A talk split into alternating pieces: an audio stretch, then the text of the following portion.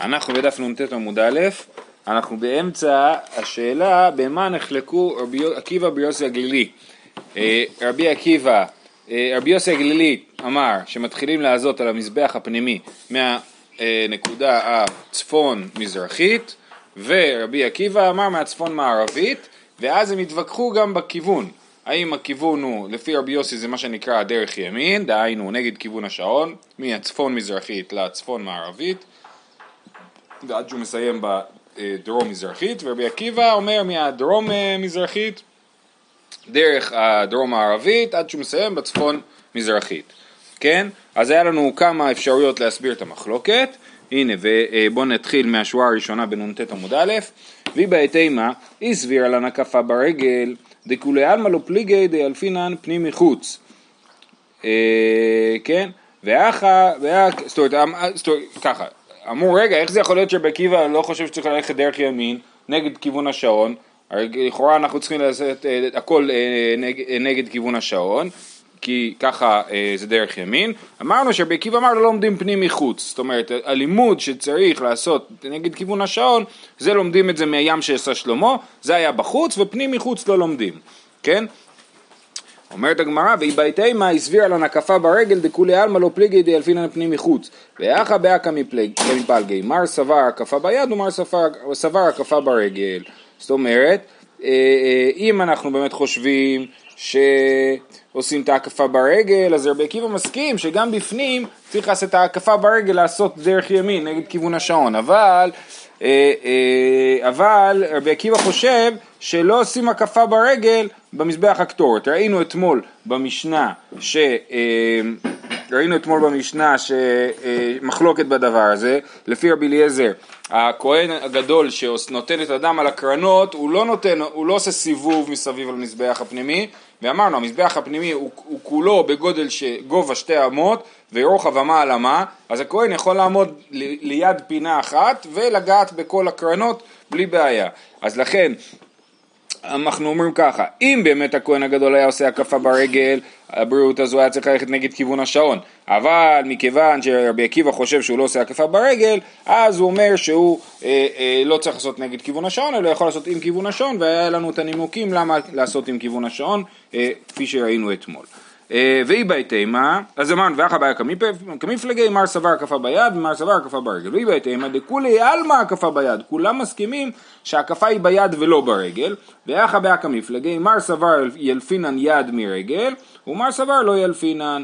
זאת אומרת כולם מסכימים שהקפה ביד אבל השאלה היא האם לומדים יד מרגל. רבי עקיבא אומר לא, זה שכשהולכים ברגל צריך לעשות נגד כיוון השעון זה לא מלמד אותי על היד. ורבי יוסי הגלילי אומר אני חושב שזה כן מלמד אותי על היד. אומרת הגמרא זה לא יכול להיות. מה לא יכול להיות? לא יכול להיות שרבי יוסי הגלילי סבר הקפה ב... ביד. למה? וסבר רבי יוסי הגלילי הקפה ביד ועמי דקתני סיפא במשנה. רבי אליעזר אומר במקומו היה עומד ומחטא מכלל דתנא קמא לא סביר עלי. תנא קמא במשנה הוא חושב שלא עומדים ועושים במקום, אלא הולכים מסביב עם הרגל, נכון?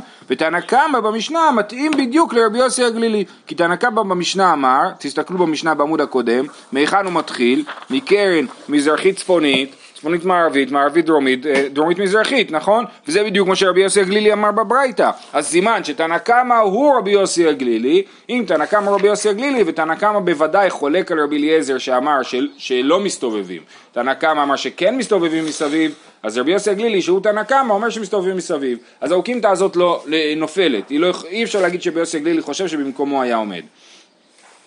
אה, אלא מחוברתא כדשנינן מי קרא, מר סבר הקפה ביד ומר סבר, סבר הקפה ברגל. והיא בהתאמה, באקא מפלגי, מר סבר סביב דמזבח פנימי כסביב דמזבח חיצון, ומר סבר כולי אה, מזבח פנימי במקום חד הקרן דמזבח חיצון קאי. יש, אפשר להסביר את המחלוקת שלהם בעוד דרך, ש... המחלוקת היא מה היחס למזבח הפנימי ביחס למזבח החיצון. הגודל של המזבח הפנימי כולו הוא בגודל של קרן אחת של המזבח החיצון.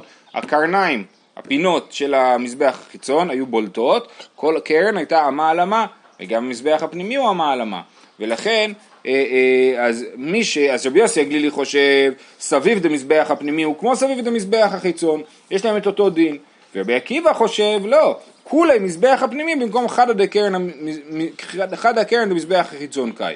עכשיו, יש פה קצת בעיה, ולכן הגר"א משנה פה קצת את הגרסה, ואומר ככה, תסתכלו, אלא מחוברתא כדשנין מעיקרא, מר סבר הקפה ביד ומר סבר הקפה ברגל, ובהקא מפלגי, מר סבר סביב דמזבח, זאת אומרת זה לא עוד הצעה, זה הסבר להצעה הקודמת. למה רבי עקיבא אומר הקפה ביד ורבי יוסי הגלילי אומר הקפה ברגל? בגלל שהם נחלקו האם המזבח הפנימי מקביל למזבח החיצון. אז כמו שבמזבח החיצון אתה רוצה לתת מתנות מסביב אתה צריך ללכת מסביב, אז גם במזבח הפנימי אתה צריך ללכת מסביב, ורבי, יוסי, ורבי עקיבא אומר לא, המזבח הפנימי מקביל לקרן אחת מהמזבח החיצון, כי זה אותו גודל, ולכן כמו שכשאתה נותן דם על קרן אחת במזבח החיצון אתה לא צריך להקיף אותה, אז ככה גם במזבח הפנימי לא צריך להקיף אותו, ולכן הקפה ביד ולא ברגל. ורבי עקיבא הוא כרבי אליעזר. ורבי עקיבא הוא כרבי אליעזר, כן, כן, רבי אליעזר במשנה ורבי עקיבא אומר אותו דבר שלא צריך להקיף. אמר בישמעאל, שני כהנים גדולים נשתרו במקדש ראשון. הגאון מווילנה מוחק את המקדש, את המילה ראשון פה, כן? כי לא, לא ברור מאיפה, רבי ישמעאל בוודאי לא, לא מכיר כהנים שנשתרו במקדש ראשון, זה עברו 300-400 שנה, כן?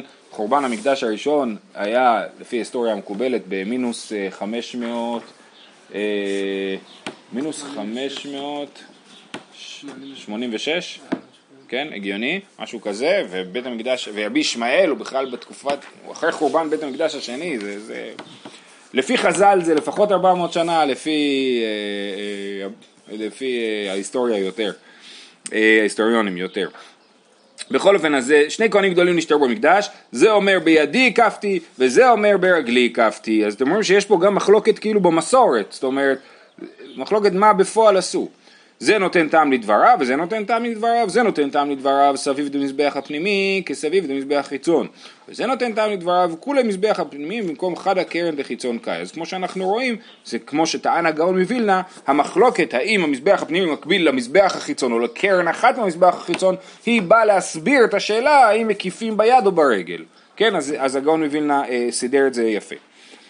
אה, רבי אליעזר אומר במקומו היה עומד ומחטא כמו שראינו במשנה מתניתין מאני רבי יהודאי. יש לנו מחלוקת תנאים בין רבי יהודה לרבי מאיר, מה רבי אליעזר חושב, כן? אז המשנה שלנו היא כמו שיטת רבי יהודה, דתניא. רבי מאיר אומר, רבי אליעזר אומר, במקומו עומד ומחטא על כולה, ומחטא, ועל כולן היה נותן ממעלה למטה, חוץ מאותה שבאלכסון שנותן ממטה למעלה. כשמזים את הדם על הקרן צריך כאילו לעשות משיכה כזאת, כן? שזה יהיה פס על, על הקרן. אז לפי רבי מאיר, מה רבי אליעזר חושב? אתה עומד בפינה אחת, ועל כל הפינות אתה נותן מלמעלה אה, למטה, חוץ מזאת שבאלכסון מולך, שאתה לא, שאתה לא נותן שם מלמעלה למטה, אלא נותן מלמטה למעלה. רבי יהודה אומר, רבי אליעזר אומר במקומו עומד ומחטא על כולן, ועל כולן הוא נותן מלמטה למטה, חוץ מזו שהייתה לפניו ממש, שנותן ממעלה למטה. כן? זאת אומרת המחלוקת ביניהם היא בעצם רק על שתי פינות. כולם מסכימים שבפינה הקרובה אליו הוא נותן מלמעלה למטה. כולם מסכימים שבפינה הרחוקה הוא נותן מלמטה למעלה. והמחלוקת היא על שתי הפינות האחרות, האם הוא נותן בהם מלמטה למעלה כמו שהוא נתן בפינה הרחוקה, ככה רבי יהודה וככה היה במשנה שלנו, ורבי מאיר חושב שבשתי הפינות האחרות הוא נותן כמו שהוא נתן בפינה הקרובה אליו מלמעלה למטה. עכשיו תסתכלו ברש"י, שננסה להסביר את המחלוקת. המשפט האחרון של הגמרא, אה, חוץ מזה שהייתה לפניו ממש, הוא נותן ממעלה למטה, כי איך דלא נתבסן מאני, כדי שלא יתלכלכו לו הבגדים, ונקרא את רש"י עכשיו. ועל כולנו נותן מלמעלה למטה, בזו שלפניו, על כורחו, כדי שלא יזוב הדם לתוך בית ידו, לשרוול. דהואיל וגבוהה יותר מידו, הפינה יותר גבוהה מידו בגובה שתי אמות, צריך להיות ראשי אצבעותיו למעלה, ואם מושך מלמטה למעלה, אדם זב לתוך בית ידו. ובאותן של צדדים נותן כדרך שהתחיל בזו. בצדדים באמת הוא יכול לתת בלי שיתלכלכו לו שרוולים גם מלמעלה למטה, גם מלמטה למעלה, אבל כיוון שהוא התחיל כבר לתת בפינה הקרובה אליו מלמטה למעלה, מלמעלה למטה, אז ככה הוא גם ממשיך בפינות האחרות. חוץ מאותה שבאלכסון, שהיא רחוקה. ואם בא למשוך מלמעלה למטה, טורח הוא לו. למה בפינה הרחוקה הוא לא יכול לתת גם כן מלמעלה למטה?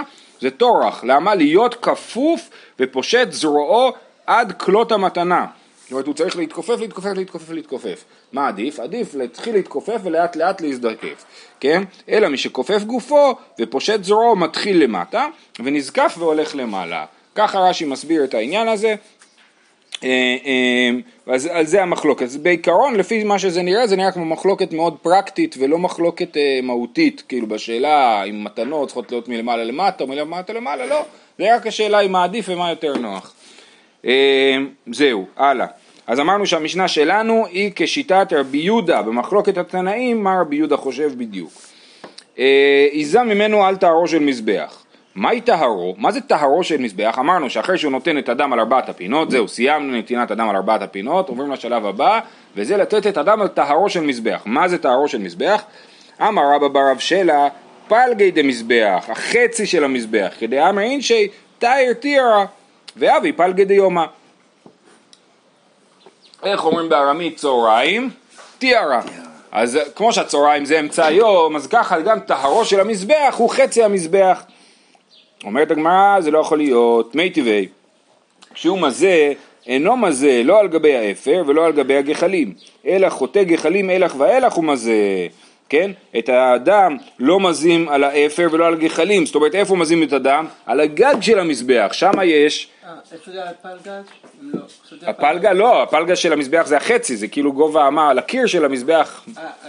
זה מה שהוא חשב.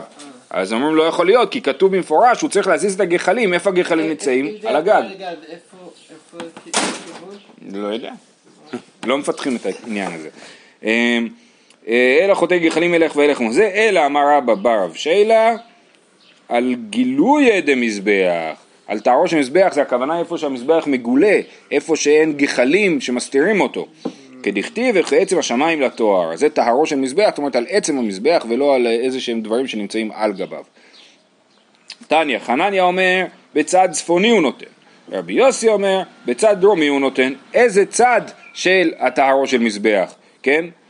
הצד הצפוני או הדרומי. תחשבו שהמזבח הוא לא גדול, אמרנו, על אמה, אבל לכאורה הוא עומד בדיוק באמצע המשכן או המקדש, כן?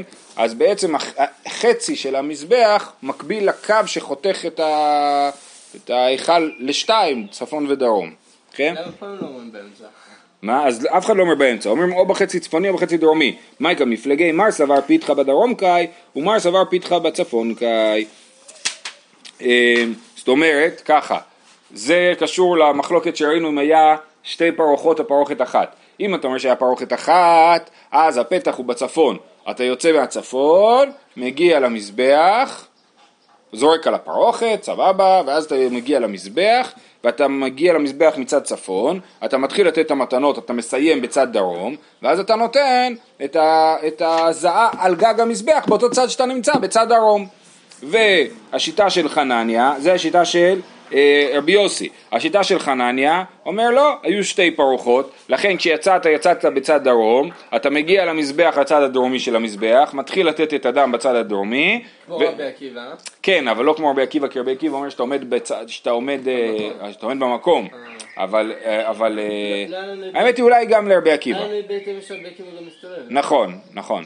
אה, אה, בכל אופן, אז, אז אתה מתחיל בצד דרום, מסיים בצד צפון, ושם אתה נותן את ההזעות גם על גג המזבח. אומרת הגמרא, דכולי עלמא מיה, איכא דגמרן מתנות דקרנות, הטם יאיב על גגו, מה איתמה? כן, כולם מסכימים שאיפה, בצד שבו אתה מסיים את המתנות על הקרנות של המזבח הפנימי, זה גם הצד שבו אתה שם על הגג של המזבח הפנימי. מאיפה הם יודעים את זה?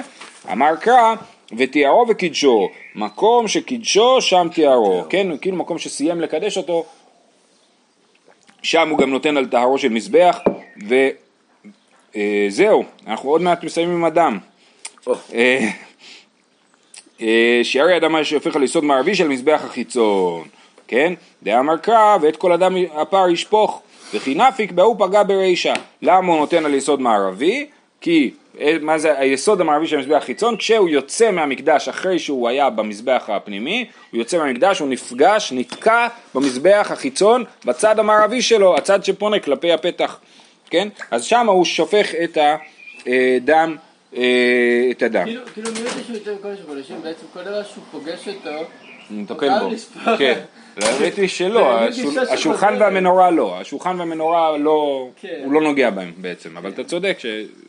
כן. גם בקרנות היה לנו איזה דיבור כזה, בעצם פגע קודם כל בקרן הזאת, נכון. אבל לא יכל, אחר נכון, כך לחטא, לא נעים. נכון, נכון, כן, כן. תנו רבנן, יסוד המזבח זה יסוד דרומי.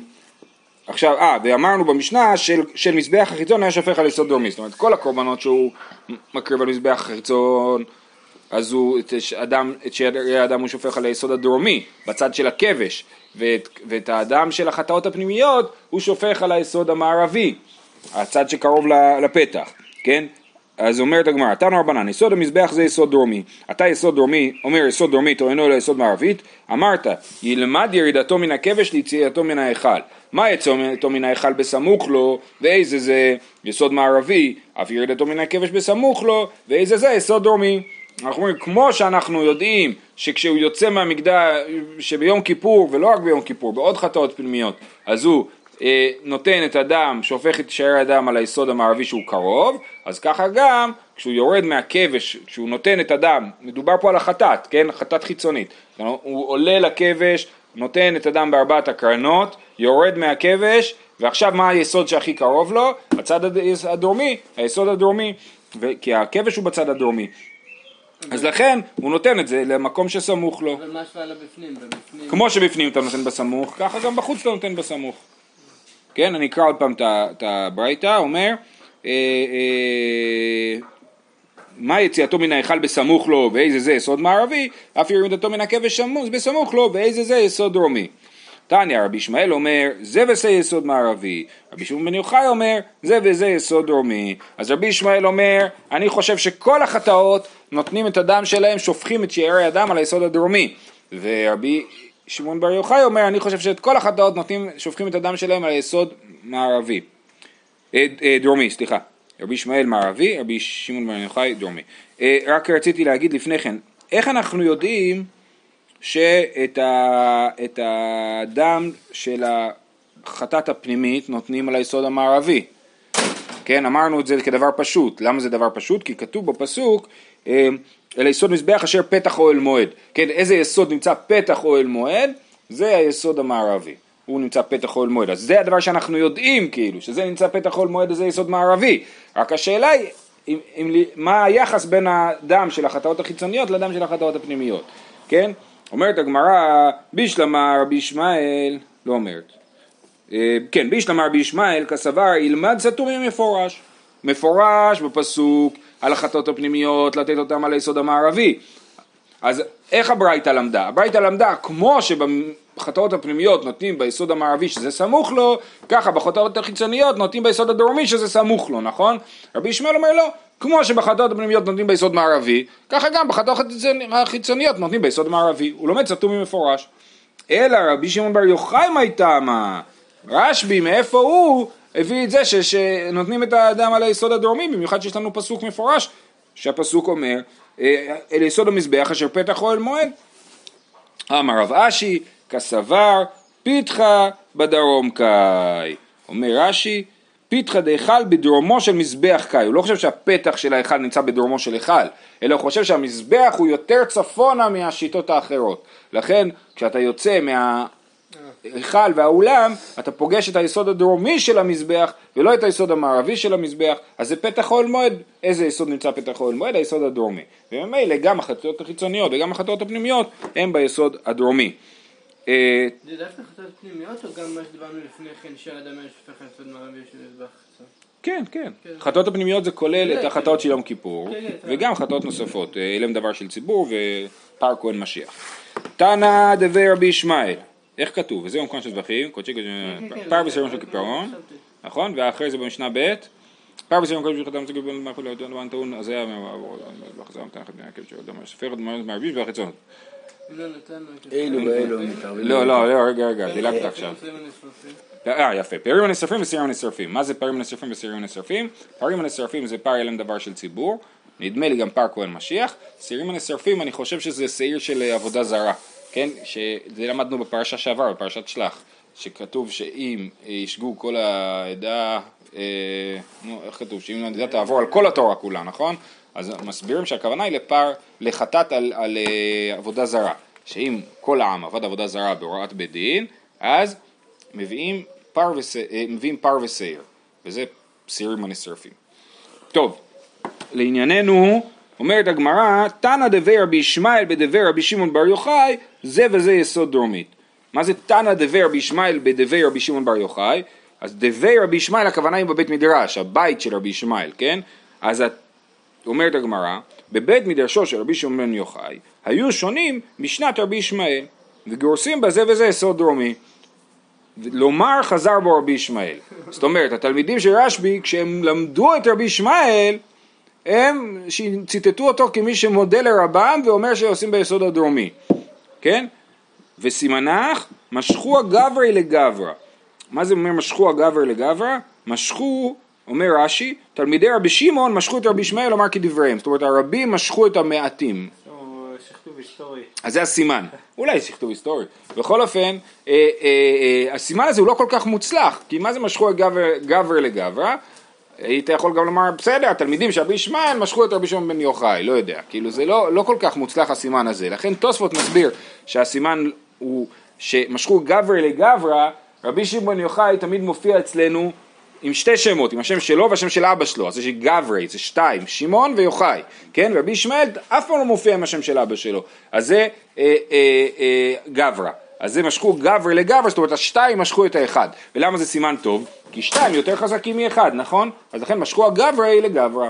בסדר? דרך אגב, יש לנו באמת לדוגמה למחילתא, מחילתא שזה מדרש הלכה לספר שמות, מדרש תנאים לספר שמות, יש לנו מחילתא דבי רבי ישמעאל ומחילתא דבי רבי שמעון בר יוחאי, כן? מחילתא דבי רבי שמעון בר יוחאי היא תגלית מאוחרת יותר, אבל, אבל יש לנו באמת, כאילו, זה לא סתם, התנא דבי רבי ישמעאל, התנא דבי רבי שמעון בר יוחאי, זה לא, זה דברים שקיימים, יש לנו ממש שתי מסורות של מדרש תנאים לספר שמות, אחד מבית מדרשו של רבי ישמעאל והשני מבית מדרשו של רבי שמעון בר יוחאי. טוב, אמרנו אלו ואלו מתערבים באמה ויוצאים לנחל קדרון ונמכרים לגננים לזבל ומועלים בהם. טענו רבנן, מועלים בדמים, דיבר רבי מאיר. זאת אומרת כל הדמים שיוצאים החוצה דרך האמה יש בהם מעילה. דיבר רבי מאיר ורבי שמעון. וחכמים אומרים אין מועלים בהם. מחלוקת אם יש בהם מעילה או לא. אומרת הגמרא, הגמרא מסבירה את המחלוקת התנאים, עד כאן לא פליגי אלא מדי רבנן. אבל מדאורייתא אין מועלים בהם. זאת אומרת, אומרת הגמרא, ברור שכולם מסכימים שאין בזה באמת מעילה מדאורייתא, המעילה היא רק מדי רבנן. מנעני מילי, אמר אולה אמר קרא, לכם שלכם יהיה. כתוב, אה, ואני נתתיו לכם, על אדם ואני נתתיו לכם, אז זה שלכם יהיה, אין בזה מעילה, כי זה שלכם ולא שלי, כן? דבר רבי שמעון תנא, לכפר, לכפרה נתתיו ולא למעילה. כן, כתוב כי אדם הוא, אה, אה, כי אדם הוא בנפש יכפר, אז הוא לכפרה ולא למעילה, ורבי יוחנן אמר, אמר קרא, הוא. זאת אומרת, כתוב כי אדם הוא בנפש יכפר. אז מה זה הוא? לפ, אה, אה, אה, הוא לפני כפרה, כי לאחר כפרה. מה לאחר כפרה? אין בו מעילה. אף לפני כפרה אין בו מעילה, כמו שאחרי הכפרה אין בו מעילה, ככה גם לפני. אומרת הגמרא, ואימה לאחר כפרה כלפני כפרה, אולי תגיד הפוך, מה לפני כפרה יש בו מעילה, אף לאחר כפרה יש בו מעילה? לא, למה לא? אין לך דבר שנעשית מצוותו ומועלים בו. אין לך שום דבר שאחרי שנעשית מצוותו עדיין מועלים בו. זאת אומרת, אחרי שאני הזיתי אה, אה, את הדם ועשיתי בדם כל מה שצריך, אז זהו, ברור שכבר אין בו מעילה, כן? אה, משהו לפני כפרה... אז לח... שנייה, אז זה מה שהוא אומר פה, שבאדם אין, אין מעילה בכלל, שלושת הדרשות האלה אומרות את זה, כן, שלכם יהיה לכפרה נתתי ולא למעילה, והוא... כן, אבל הוא מחלק בין לפני לאחרי. לא, הוא לא מחלק, הוא אומר לפני כפרה כלאחר כפרה, כמו שאחרי כפרה אין, למה אין, אין מעילה אחרי כפרה? כי שום דבר אין בו מעילה אחרי כפרה, אז גם לפני כפרה אין בו מעילה, אז כולם מסכימים שאין בכלל מעילה ב, אה, בדם. אה, גם לפני כפרה. רק לומדים את זה, לשיטת אה, רבי יוחנן, לומדים את זה מלאחר כפרה. אומרת הגמרא, מה פתאום, מאיפה אתה מביא את זה שכל דבר שנעשה את מצוותו כבר אין בו מעילה? ולא, והרי תרומת הדשן, תרומת הדשן, תורמים את הדשן, עושים את תרומת הדשן, מה זה תרומת הדשן? לוקחים, אמרנו, את הגחלים והאיברים הפנימיים שנשארו על גבי המזבח בבוקר, ונותנים את זה על הרצפה ליד הכבש, בצד המערבי אם אני לא טועה, ו... זהו, עשינו תרומת הדשן, אז נעשה את מצוותו, ועדיין יש בזה מעילה. כן, אומר רש"י, דכתיב, בוא ושמו אצל המזבח, זה טעון גניזה, על מה אסור בהנאה, וכיוון בהנאה אסור משום קדושתו, מעילה נמית בי. אז אנחנו יודעים שיש מעילה בתרומת הדשן. אומרת הגמרא, משום דאבי, תרומת הדשן ובגדי כהונה, שתי כתובים הבאים כאחד, וכל שני דברים כתובים כאחד אין מלמדים. זאת אומרת, יש לנו גם בגדי כהונה מועלים בהם אחרי השימוש בהם, זה לפי השיטה שאומרת שאסור להשתמש בהם יותר. יש שתי שיטות, יש שיטה שאומרת, הרי הכהן הגדול בעצמו לא יכול להשתמש בבגדים האלה שוב, כי, אה, כי הוא משתמש בשמונה בגדים ולא בבגדי לבן, נכון? והכהן האידיוט אה, אה, יכול להשתמש בזה, לא, כהן האידיוט לא יכול להשתמש בזה בגלל שזה מעלין בקודש בין מורדין. לא, היה דעה אחת שכן, שכהן האידיוט כן יכול להשתמש. שכן, האידיוט, נכון, אני... אז כן, אז היה מחלוקת. בכל אופן, לפי השיטה שאף אחד לא יכול להשתמש בבגדי הכהונה, אז למרות שכבר התקיימה מצוותם, כבר עשו איתם את מה שצריך לעשות איתם, בכל זאת יש בהם מעילה. למה יש בהם מעילה? כי ככה כתוב, והניחם שם, גם כן לומדים שהם צריכים גניזה, אם זה צריך גניזה, סימן שצריך, שיש בזה מעילה. אז שתי כתובים הבאים כאחד אין מלמדים. מה זאת אומרת? שיש לנו כלל. הכלל אומר כל הדברים נעשו את מצוותם, אה, אה, אין אה, מועלים בהם. אם היה לנו רק דבר אחד שיוצא מן הכלל, אז היינו אומרים שהוא בא לא, לא, לא ללמד עצמו יצא, אלא ללמד על הכלל כולו יצא. אבל כשיש שתי באים כתובים הבאים כאחד, אז אתה אומר, טוב, זה לא דוגמה מתוך הכלל, זה מאוד הגיוני הכלל הזה, כן?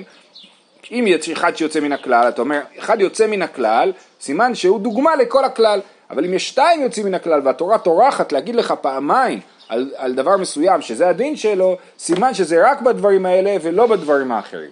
אז באופן כללי אנחנו אומרים כל דבר שנעשית מצוותו אה, אין בו מעילה, חוץ משני דברים שהם תרומת הדשן ובגדי כהן גדול ביום הכיפורים ואנחנו נמשיך עם זה מחר. זה הגמרא.